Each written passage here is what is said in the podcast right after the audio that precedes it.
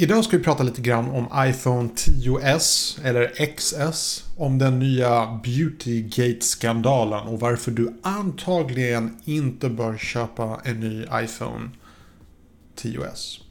Mycket nöje.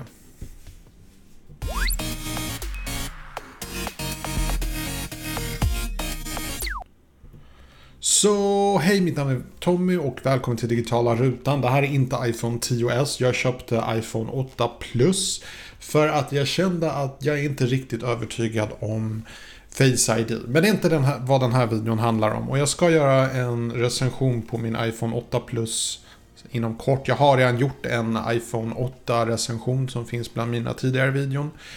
Men i alla fall, Eh, det började med att eh, Unbox Therapy, en väldigt känd kanal, la upp en video om hur han tyckte att eh, Lou, hur han tyckte hur hans selfie-foton såg sämre ut än hans iPhone 10.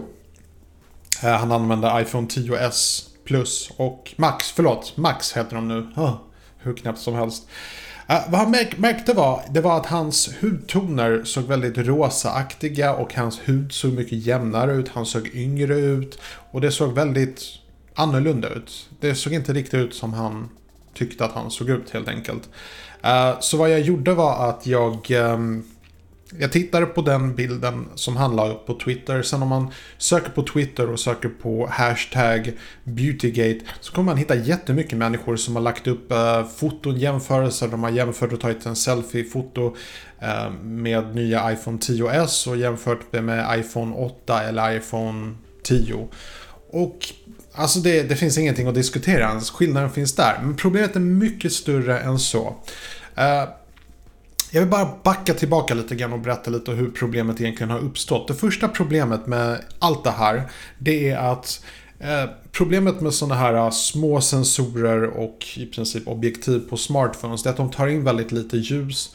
Och det blir väldigt mycket brus som uppstår när man tar ett vanligt foto eller filmar inomhus till exempel. Så vad de har gjort är att de har utvecklat avancerade algoritmer som förbättrar bilden på en massa sätt och vis.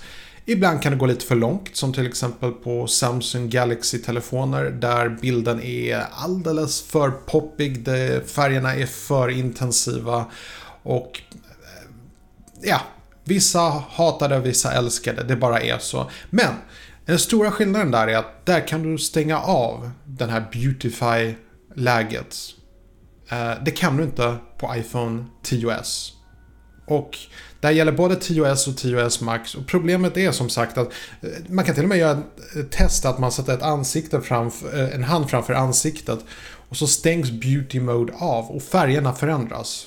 Bara det säger någonting om hela den här proceduren. Så det här är någonting som Apple har gjort en ordentlig miss på och frågan är kommer de åtgärda det här? Kommer de fixa det här problemet? Min erfarenhet av Apple det är att de ber inte om ursäkt. De erkänner inte när de gör fel. Utan de kommer förklara på något sätt, de kommer förbättra på det. Men jag, jag, tror inte de kommer ta bort det här läget helt och hållet. Jag hoppas att de kommer lägga in en switch så att de åtminstone kan stänga av det. Men jag tvivlar faktiskt på det. Jag tror att de snarare kommer utveckla Eh, beautyläget så att det blir snyggare än vad det har varit tidigare. För just nu det ser bara överdrivet ut. Och jag kan tänka mig att det finns en massa unga tjejer som tycker det ser fantastiskt ut. Men resten av oss, vi är inte så intresserade. Vi, är vi fula så vill vi fortfarande se fula ut om man säger så. Eh, så det, jag trodde verkligen aldrig att jag skulle göra en sån video där jag skulle kritisera Apple för att de lägger in ett beauty mode-läge som inte går att stänga av.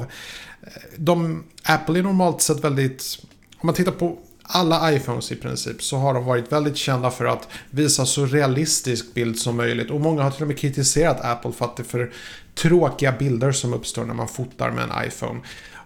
Och nu verkar de ha gått helt emot det här. Och så har de lagt in ett beauty-läge. Och det gäller bara selfie-kameran. Och det gäller när du tar en selfie och den ser ett ansikte. Då kommer den så att säga smootha ut rynkor och få bort alla fläckar. Och det, det ser artificiellt ut. Och det är tråkigt för att vill man ha den här effekten, och jag kritiserar inte alls den här effekten. Jag har själv sådana appar, men då kan jag åtminstone välja att ha eh, det filtret så att säga. Precis som nu när jag filmar så använder jag ett filter, en lutt. Eh, det jag får lite mer mänskliga hudtoner i färgen. Men that's it. Jag gör inte mycket mer än så. Men jag kan åtminstone välja det. Och med nya iPhone 10s så går det inte. Så mitt råd är att om du verkligen inte vill ha det här beauty-läget, då ska du nog vänta med att köpa en 10s. För det finns de som skulle påstå just nu att till och med en iPhone 10 eller en 8 tar bättre foton. Så att, uh, ja, det var allt vi hade för idag. Uh, passa på att önska dig en trevligt fortsatt dag. På återseende.